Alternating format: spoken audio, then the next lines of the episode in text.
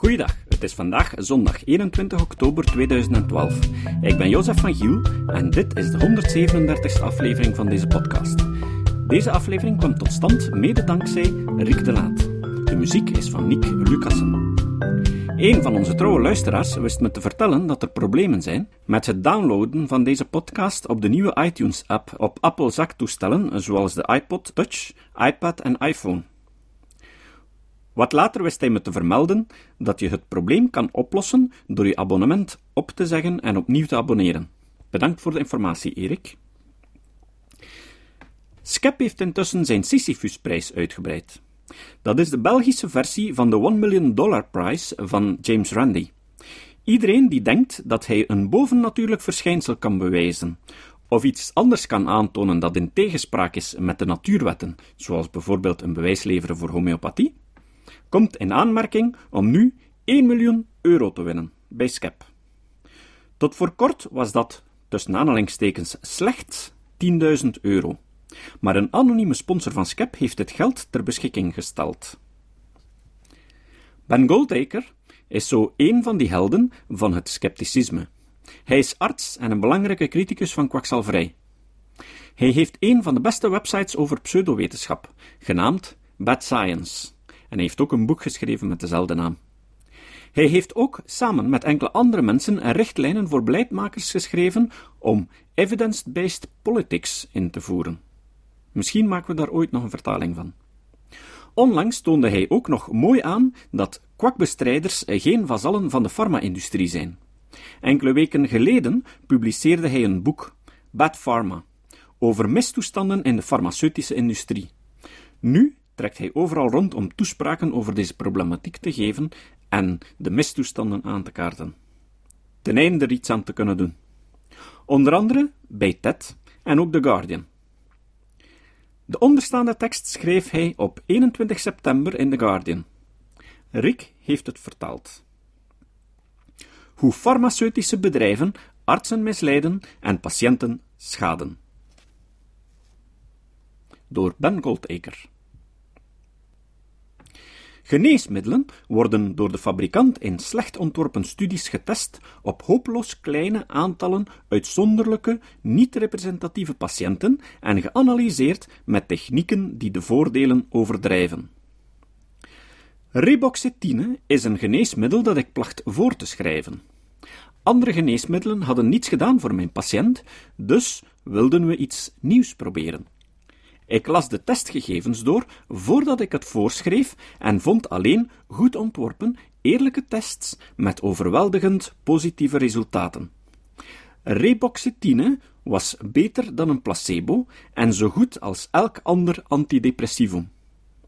Het is goedgekeurd voor gebruik door de Medicine and Healthcare Regulation Agency, MHRA, die over alle geneesmiddelen gaat in het Verenigd Koninkrijk. Miljoenen doses worden elk jaar over de hele wereld voorgeschreven. Reboxetine was duidelijk een veilige en effectieve behandeling. De patiënt en ik bespraken het bewijsmateriaal kort en kwamen overeen dat het de juiste te proberen behandeling was. Ik schreef het voor. Maar we werden beiden misleid. In oktober 2010 was een groep onderzoekers uiteindelijk in staat alle gegevens die ooit zijn verzameld over reboxetine samen te brengen. Zowel van gepubliceerde studies als van studies die nooit verschenen in wetenschappelijke papers. Al deze testgegevens samen leveren een schokkend beeld op. Zeven studies vergeleken reboxetine met een placebo. Slechts één, uitgevoerd op 254 patiënten, had een positief resultaat. Dat ene werd in een wetenschappelijk tijdschrift gepubliceerd, zodat artsen en onderzoekers het konden lezen.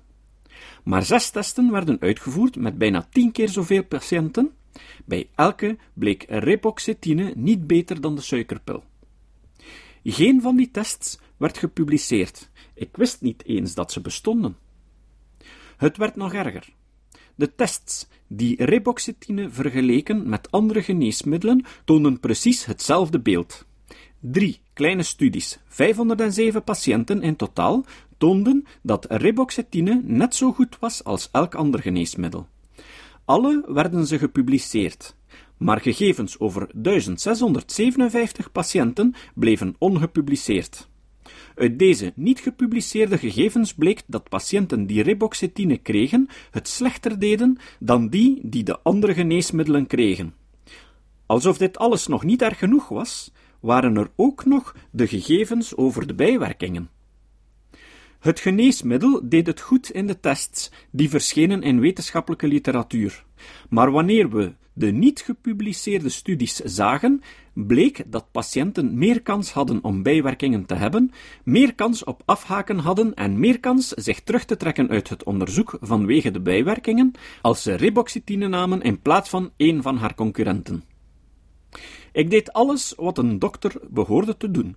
Ik las alle papers, ik bekeek ze kritisch, ik begreep ze, ik besprak ze met de patiënt en we namen samen een beslissing op basis van het bewijsmateriaal. In de gepubliceerde gegevens was riboxetine een veilig en effectief geneesmiddel. In werkelijkheid was het niet beter dan een suikerpil en, erger nog, deed het meer kwaad dan goed. Als arts deed ik iets dat op basis van alle bewijzen mijn patiënt schade, simpelweg omdat onflatteuze gegevens niet werden gepubliceerd. Niemand overtrad op die manier een wet. Reboxetine is nog steeds op de markt en het systeem dat dit alles laat gebeuren is nog steeds in zwang voor alle geneesmiddelen in alle landen van de wereld. Negatieve gegevens gaan de mist in voor alle behandelingen op alle gebieden van de wetenschap. De toezichthouders en de beroepsorganisaties, waarvan we redelijkerwijs zouden verwachten dat ze dergelijke praktijken zouden tegengaan, hebben ons in de steek gelaten. Deze problemen zijn afgeschermd van publieke controle, omdat ze te complex zijn om in een paar woorden uit te leggen. Daarom doen politici er niets aan, althans tot op zekere hoogte. Maar net daarom moeten we er dieper op ingaan. De mensen die je je vertrouwen gaf om deze problemen op te lossen, hebben gefaald. Omdat je een probleem eerst goed dient te begrijpen om het te verhelpen, moet je enkele dingen weten. Geneesmiddelen worden getest door de mensen die ze produceren. Maar de studies zijn slecht ontworpen op hopeloos kleine aantallen uitzonderlijke, niet-representatieve patiënten en geanalyseerd met gebrekkige technieken die de voordelen van de behandelingen overdrijven. Niet te verwonderen komen deze tests de fabrikant goed uit. Bij tests die de bedrijven niet gevallig zijn, hebben ze het volste recht om ze te verbergen voor artsen en patiënten, zodat we alleen maar een vertekend beeld krijgen van de ware effecten van het geneesmiddel. Regelgevers krijgen de meeste van de onderzoeksgegevens onder ogen, maar alleen maar in het begin. En zelfs dan geven ze deze gegevens niet door aan artsen of patiënten, of zelfs naar andere instanties van de overheid. Dit gemanipuleerde bewijsmateriaal wordt dan gecommuniceerd en toegepast op een gemanipuleerde manier. In de 40 jaren praktijk na het verlaten van de universiteit horen artsen ad hoc over wat werkt van verkopers, collega's en tijdschriften. Maar die collega's kunnen, vaak ongeweten, in dienst staan van farmaceutische bedrijven, evenals de tijdschriften. Zelfs de patiëntengroepen. En tot slot zijn academische papers, waarvan iedereen denkt dat ze objectief zijn, vaak heimelijk gepland en geschreven door mensen die rechtstreeks werken voor de bedrijven zonder het te laten weten. Soms zijn hele wetenschappelijke tijdschriften volledig in handen van een farmaceutisch bedrijf.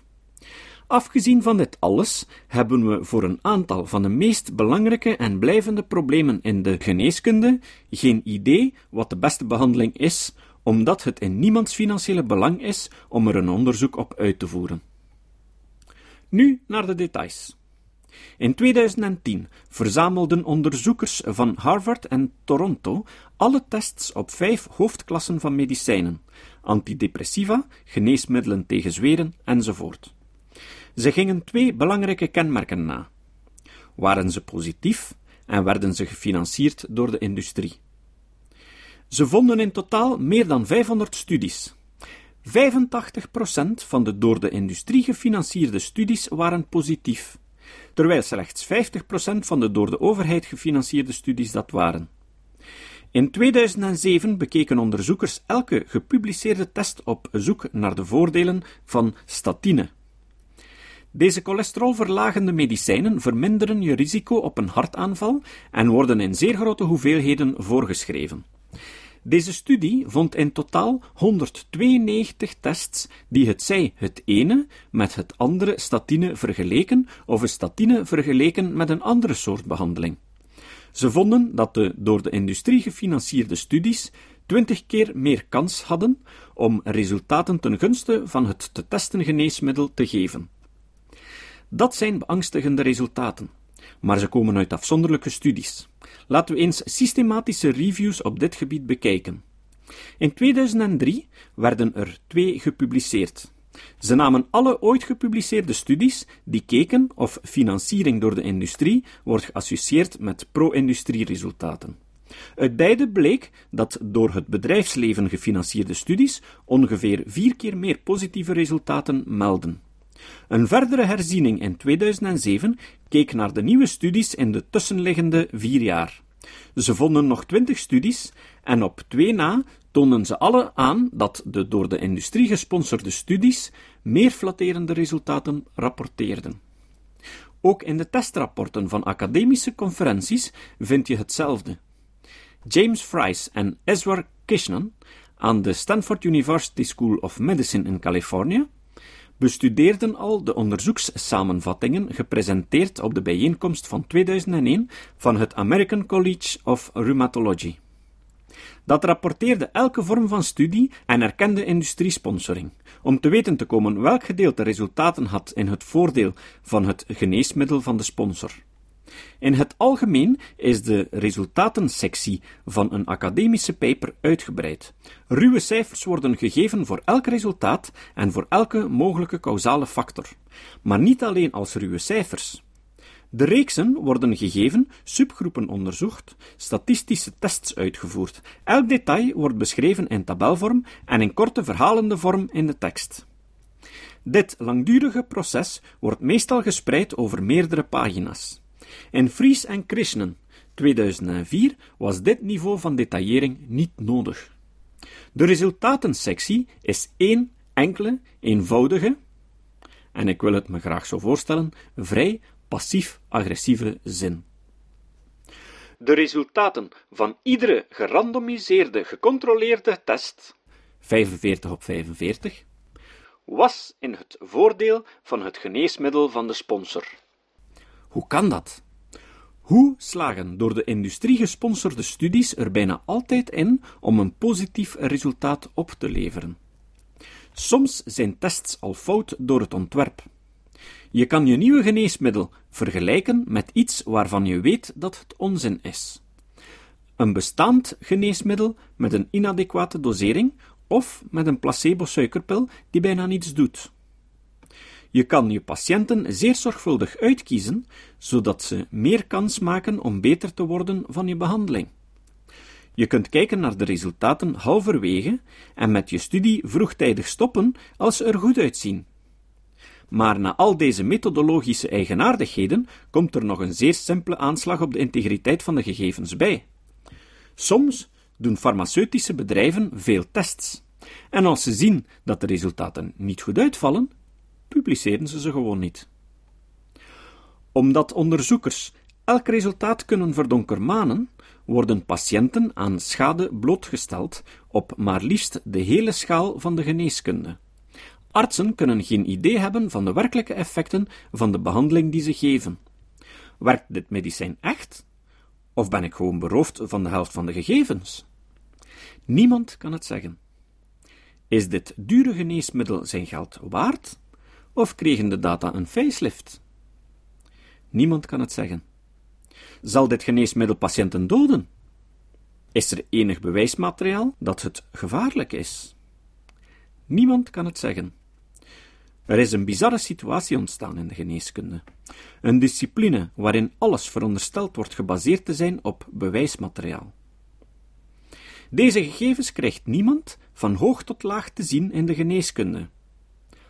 NICE, het Nationaal Instituut voor Gezondheid en Klinische Uitmuntendheid, werd door de Britse regering opgericht om zorgvuldige onpartijdige samenvattingen van alle bewijzen van nieuwe behandelingen te maken. maar het is niet in staat om gegevens over de effectiviteit van een geneesmiddel, die door de onderzoekers of bedrijven werden ingehouden, te identificeren of er toegang toe te krijgen. NICE heeft niet meer wettelijk recht op die gegevens dan jij of ik, ook al nemen ze namens de NHS voor miljoenen mensen beslissingen over effectiviteit en kosteneffectiviteit. In elke redelijke wereld zouden we, wanneer onderzoekers bijvoorbeeld tests uitvoeren op een nieuwe pil voor een farmaceutisch bedrijf, universele contracten verwachten die duidelijk maken dat alle onderzoekers verplicht zijn om hun resultaten te publiceren, en dat de industriesponsors met enorme belangen in positieve resultaten geen controle over de gegevens mogen hebben. Maar ondanks dat we weten dat door de industrie gefinancierd onderzoek systematisch bevoordeeld is, gebeurt dat niet. In feite is het tegendeel waar. Het is volkomen normaal dat onderzoekers en academici, die door de industrie gefinancierde onderzoeken uitvoeren, contracten met bindende clausules ondertekenen. Die verbieden hen om zonder de toestemming van de financier gegevens van hun onderzoek te analyseren, te publiceren of te bespreken. Dit is zo'n heimelijke en beschamende situatie dat zelfs proberen om het openbaar te maken heel wat kunst en vliegwerk vereist. In 2006 werd een artikel gepubliceerd in het tijdschrift van de American Medical Association, JAMA, een van de grootste medische tijdschriften in de wereld. Dat beschrijft hoe vaak dit soort beperkingen op hun recht om de resultaten te publiceren worden opgelegd aan onderzoekers van door de industrie gefinancierde onderzoeken. De studie werd uitgevoerd door het Nordic Cochrane Center en het keek naar alle tests die de toelating kregen om verder te gaan in Kopenhagen en Frederiksberg. Als je je afvraagt waarom net deze twee steden werden uitgekozen, de onderzoekers probeerden het elders zonder succes. Ze kregen in de eerste plaats al geen toegang tot de gegevens in het Verenigd Koninkrijk. Deze studies werden overweldigend gesponsord door de farmaceutische industrie. 98%. En de regels voor het beheer van de resultaten vertellen een verhaal dat pendelt tussen het angstaanjagende en het absurde. Van 16 van de 44 tests kreeg het sponsorend bedrijf de gegevens te zien, terwijl ze werden verzameld en in nog eens 16 tests hadden ze het recht om de test op elk gewenst moment, om welke reden dan ook, stop te zetten. Dit betekent dat een bedrijf kon zien of een onderzoek tegen zijn belangen inging en kon interfereren naarmate het vorderde door het verdraaien van de resultaten. Zelfs als het onderzoek voltooid was, konden de gegevens nog steeds worden onderdrukt. Er waren beperkingen op de publicatierechten bij 40 van de 44 tests, en in de helft stipuleerden de contracten uitdrukkelijk dat de sponsor ofwel eigenaar was van de gegevens, en hoe zit het dan met de patiënten? Zou je kunnen vragen. Of hun goedkeuring moesten geven aan de uiteindelijke publicatie, of beiden. Geen van deze beperkingen werd genoemd in een van de gepubliceerde artikelen. Toen de paper met de beschrijving van deze situatie in JAMA werd gepubliceerd, reageerde LIF, de Deense farmaceutische industrievereniging, door de aankondiging in het publicatieblad van de Deense Medische Associatie dat het zowel geschokt als woedend was over de kritiek, waarin ze zich niet terugvonden. Het eiste een onderzoek van de wetenschappers hoewel ze niet zegden voor wie of wat. Liv schreef vervolgens aan het Deense Comité voor Wetenschappelijke Oneerlijkheid en beschuldigde de Cochrane-onderzoekers van wetenschappelijk wangedrag. We krijgen de brief niet te zien, maar de onderzoekers zeggen dat de beschuldigingen zeer ernstig waren. Ze werden beschuldigd van het opzettelijk manipuleren van data, maar vaag en zonder documenten of bewijsmateriaal om het te ondersteunen. Toch ging het onderzoek één jaar door. Peter Gotche, directeur van het Cochrane Center, vertelde de British Medical Journal dat alleen de derde brief van Liv, tien maanden later, specifieke beschuldigingen uitte die konden worden onderzocht door de commissie. Twee maanden daarna werden de beschuldigingen afgewezen. De Cochrane-onderzoekers hadden niets verkeerds gedaan. Maar voordat ze werden vrijgegeven, zond Lief de brieven over wetenschappelijke oneerlijkheid naar het ziekenhuis waar vier van hen werkten, naar de directie van dat ziekenhuis en soortgelijke brieven naar de Deense Medische Associatie, het ministerie van Volksgezondheid, het ministerie van Wetenschap enzovoort. Gotje en zijn collega's voelden zich geïntimideerd en lastiggevallen door het gedrag van Lief.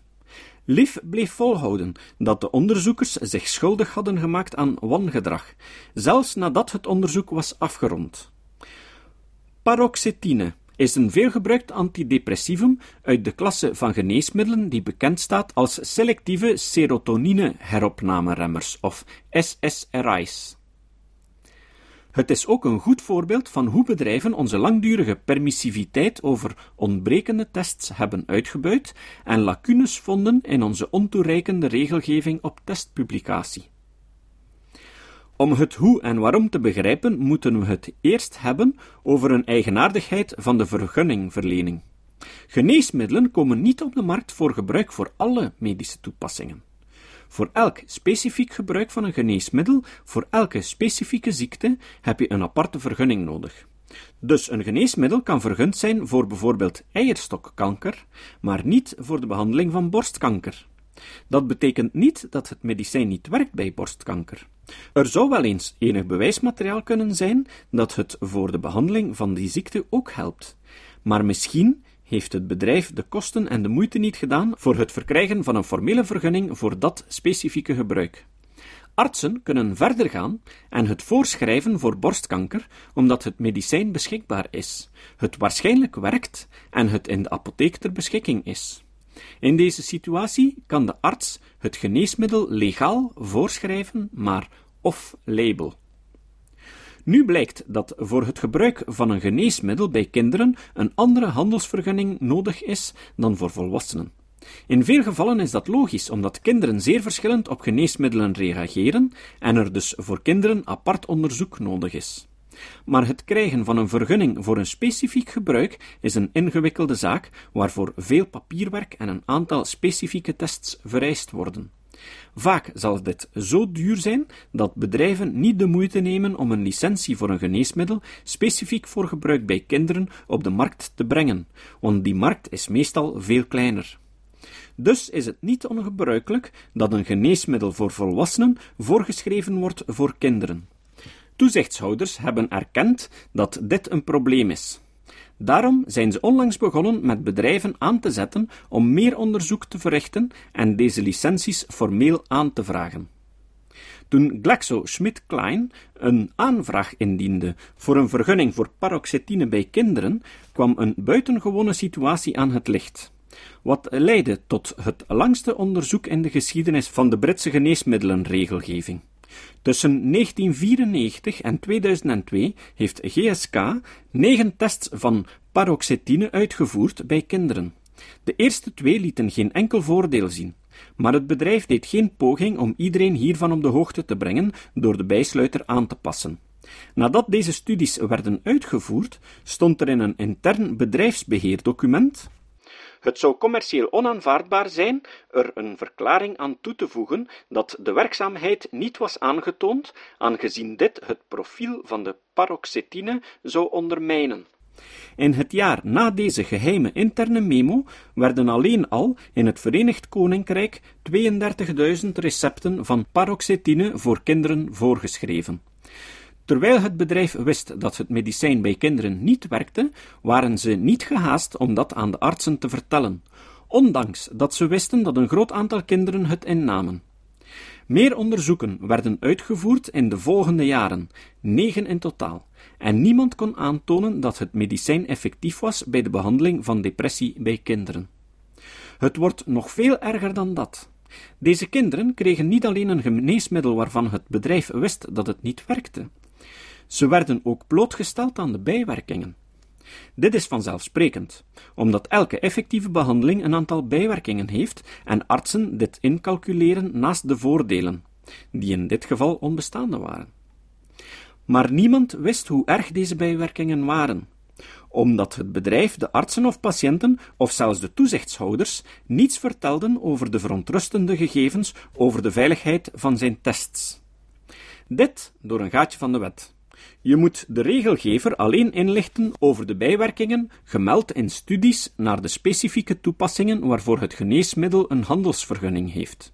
Omdat het gebruik van paroxetine bij kinderen off-label was, had GSK geen wettelijke verplichting om iemand iets te vertellen over wat ze hadden gevonden. Mensen maakten zich al lang zorgen dat paroxetine het risico op zelfmoord zou verhogen. Maar dat is een vrij moeilijk op te sporen neveneffect van een antidepressivum. In februari 2003 stuurde GSK spontaan de MHRA een informatiepakket over het risico op zelfmoord bij paroxetine. Het bevatte een aantal analyses gedaan in 2002 over studies over ongunstige effecten die het bedrijf had gedaan in de loop van een decennium. Deze analyses toonden aan dat er geen verhoogd risico was op zelfmoord, maar het was misleidend. Ook al was het toen onduidelijk, gegevens uit studies bij kinderen werden vermengd met de gegevens van studies bij volwassenen die een veel groter aantal deelnemers telden. Daardoor ging elk signaal van verhoogd suïciderisico bij kinderen op paroxetine volledig op en ruis. Later, in 2003, had GSK een ontmoeting met MHRA om een andere kwestie over paroxetine te bespreken. Aan het eind van deze vergadering gaven de GSK-vertegenwoordigers een briefingdocument uit, waarin werd uitgelegd dat het bedrijf van plan was om later van dat jaar een specifieke vergunning aan te vragen om paroxetine te gebruiken voor kinderen. Zo hadden ze het erover, terwijl ze het document uitdeelden, dat de MHRA een veiligheidsprobleem dat het bedrijf had opgemerkt niet uit het oog mocht verliezen. Namelijk een verhoogd risico op zelfmoord bij kinderen met een depressie die behandeld werden met paroxetine, vergeleken met de kinderen die placebopillen namen. Dit waren uiterst belangrijke neveneffectgegevens die na een verbazingwekkende vertraging terloops door middel van een volledig ongepast en onofficieel kanaal werden gepresenteerd. Hoewel de gegevens aan het verkeerde team werden bezorgd, was het MHRA-personeel aanwezig op de vergadering, genoeg bij de pinken om te onderkennen dat dit een belangrijk nieuw probleem was. Er volgde een vlaag van activiteit. Analyses werden uitgevoerd en binnen een maand werd een brief gestuurd naar alle artsen om hen te adviseren geen paroxetine voor te schrijven aan patiënten jonger dan 18 jaar. Hoe is het mogelijk dat onze systemen voor het verkrijgen van gegevens van bedrijven zo gebrekkig zijn? Bedrijven kunnen vitaal belangrijke informatie gewoon achterhouden als blijkt dat een geneesmiddel niet alleen inefficiënt, maar ook nog gevaarlijk is omdat de regelgeving belachelijke leemtes bevat. Het is triest om te zien hoe vrolijk GSK er gebruik van heeft gemaakt. Toen het onderzoek in 2008 werd gepubliceerd, was de conclusie dat het achterhouden van belangrijke gegevens over de veiligheid en effectiviteit die artsen en patiënten duidelijk genoeg hadden, onethisch was en kinderen over de hele wereld in gevaar bracht. Maar onze wetten zijn zo ontoereikend dat GSK niet eens beschuldigd kon worden van een misdaad. Na dit geval veranderde de MHRA en de Europese Unie wat aan hun regelgeving, maar niet voldoende. Ze verplichten bedrijven om gegevens mee te delen over de veiligheid van het gebruik van een geneesmiddel buiten de handelslicentie. Belachelijk genoeg werden tests buiten de EU daar nog steeds van vrijgesteld. Een aantal van de tests die GSK uitvoerden werden gedeeltelijk gepubliceerd, maar dat is natuurlijk niet genoeg. Als we alleen een bevooroordeelde steekproef van de gegevens te zien krijgen, weten we dat we worden misleid. Maar we moeten ook alle gegevens krijgen om de eenvoudige reden dat we veel gegevens nodig hebben. Veiligheidssignalen zijn vaak zwak, subtiel en moeilijk op te sporen. In het geval van paroxetine werden de gegevens pas duidelijk toen de bijwerkingen van alle tests werden samengevoegd en samen geanalyseerd. Dat brengt ons bij de tweede voor de hand liggende fout in het huidige systeem. De resultaten van deze onderzoeken worden in het geheim aan de toezichthouder gegeven, die vervolgens de tijd neemt om een beslissing te formuleren. Dit is het tegenovergestelde van wetenschap, die alleen maar betrouwbaar is als iedereen zijn werk toont. Die uitlegt hoe ze weten dat iets effectief of veilig is, zijn methode en resultaten meedeelt en anderen in de mogelijkheid stelt om uit te maken of ze het eens zijn met de wijze waarop de gegevens werden verwerkt en geanalyseerd. Maar voor de veiligheid en de werkzaamheid van de geneesmiddelen mag dat gebeuren achter gesloten deuren omdat farmaceutische bedrijven hebben besloten dat ze hun testresultaten discreet met de toezichtshouders willen delen. Dus wordt de belangrijkste taak in de op bewijsmateriaal gesteunde geneeskunde alleen en in het geheim uitgevoerd. En toezichtshouders zijn niet onfeilbaar, zoals we zullen zien. Rossi-glitazon werd voor het eerst op de markt gebracht in 1999. In dat eerste jaar had Dr. John Busse van de Universiteit van North Carolina het op een paar wetenschappelijke bijeenkomsten over een verhoogd risico op hartproblemen. De geneesmiddelenfabrikant GSK poogde hem het zwijgen op te leggen en stapte vervolgens naar zijn afdelingshoofd. Buse werd onder druk gezet om verschillende juridische documenten te ondertekenen. Om een lang verhaal kort te maken, na een aantal maanden van documenten doorploegen, bracht in 2007 de Amerikaanse Senaatscommissie voor Financiën een rapport uit waarin de behandeling van Buse als intimidatie werd omschreven. Maar we zitten meer in met de veiligheids- en werkzaamheidsdata. In 2003 nam de Uppsala Geneesmiddelenmonitoringgroep van de World Health Organization contact op met GSK over een ongewoon groot aantal spontane meldingen die Rossi-glitazon associeerden met hartproblemen. GSK voerde twee interne meta-analyses op de eigen gegevens uit in 2005 en 2006. Hieruit bleek dat het risico reëel was, maar hoewel zowel GSK als de FDA over deze resultaten beschikten, legde niemand een publieke verklaring erover af en ze werden niet gepubliceerd voor 2008. Tijdens dit uitstel werden grote aantallen patiënten blootgesteld aan het geneesmiddel. Maar artsen en patiënten hoorden over dit ernstige probleem pas in 2007, toen cardioloog professor Steve Nissen en collega's een grensverleggende meta-analyse publiceerden. Die toonde een 43% toename aan van het risico op hartproblemen bij patiënten die rosiglitazon innamen omdat mensen met diabetes al een verhoogd risico op hartproblemen hebben en de behandeling van diabetes erop gericht is om net dit risico te verminderen, sloeg deze vaststelling in als een bom. Nissens bevindingen werden bevestigd in later werk en in 2010 werd het geneesmiddel over de hele wereld uit de markt genomen of beperkt. Ik bedoel niet dat dit geneesmiddel eerder verboden had moeten worden, omdat, hoe pervers dit ook klinkt, artsen vaak inferieure medicijnen nodig hebben als laatste redmiddel. Een patiënt kan idiosyncratische bijwerkingen op de meest effectieve pillen ontwikkelen en niet in staat zijn om ze nog langer in te nemen. In dat geval kan het de moeite waard zijn om een minder effectief medicijn te proberen als dat beter is dan niets te geven. Het erge is dat deze gesprekken doorgingen met de gegevens achter slot en grendel, alleen beschikbaar voor toezichthouders. Nissen kon de analyse alleen doen vanwege een zeer ongewone uitspraak van de rechter. Toen GSK in 2004 werd betrapt op het achterhouden van gegevens over ernstige bijwerkingen van paroxetine bij kinderen, resulteerde hun slechte gedrag in een Amerikaanse rechtszaak over beschuldigingen van fraude. De afwikkeling hiervan verplichtte GSK, naast de aanzienlijke uitbetaling, om de resultaten van de klinische tests op een openbare website weer te geven. Nissen gebruikte de Rossi-Gladson-gegevens toen ze beschikbaar werden en vond verontrustende tekenen van schade.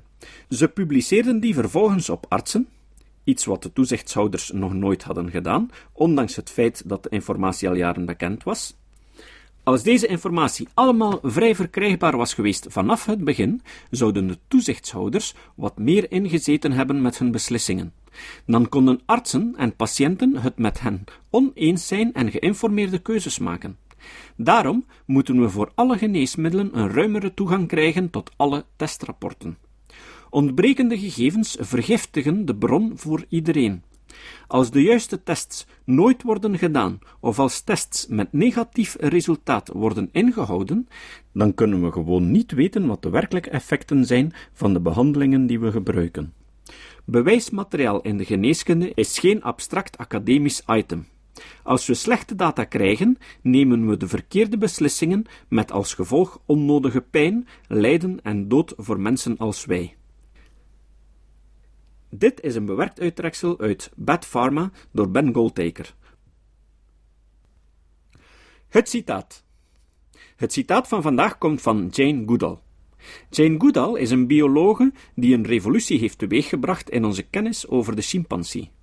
Het was de beroemde antropoloog Richard Leakey die Lucy ontdekte, het eerste skelet van een Australopithecus afarensis, die Goodall overtuigde om de chimpansees te onderzoeken en haar ook steunde om haar doctoraat te halen.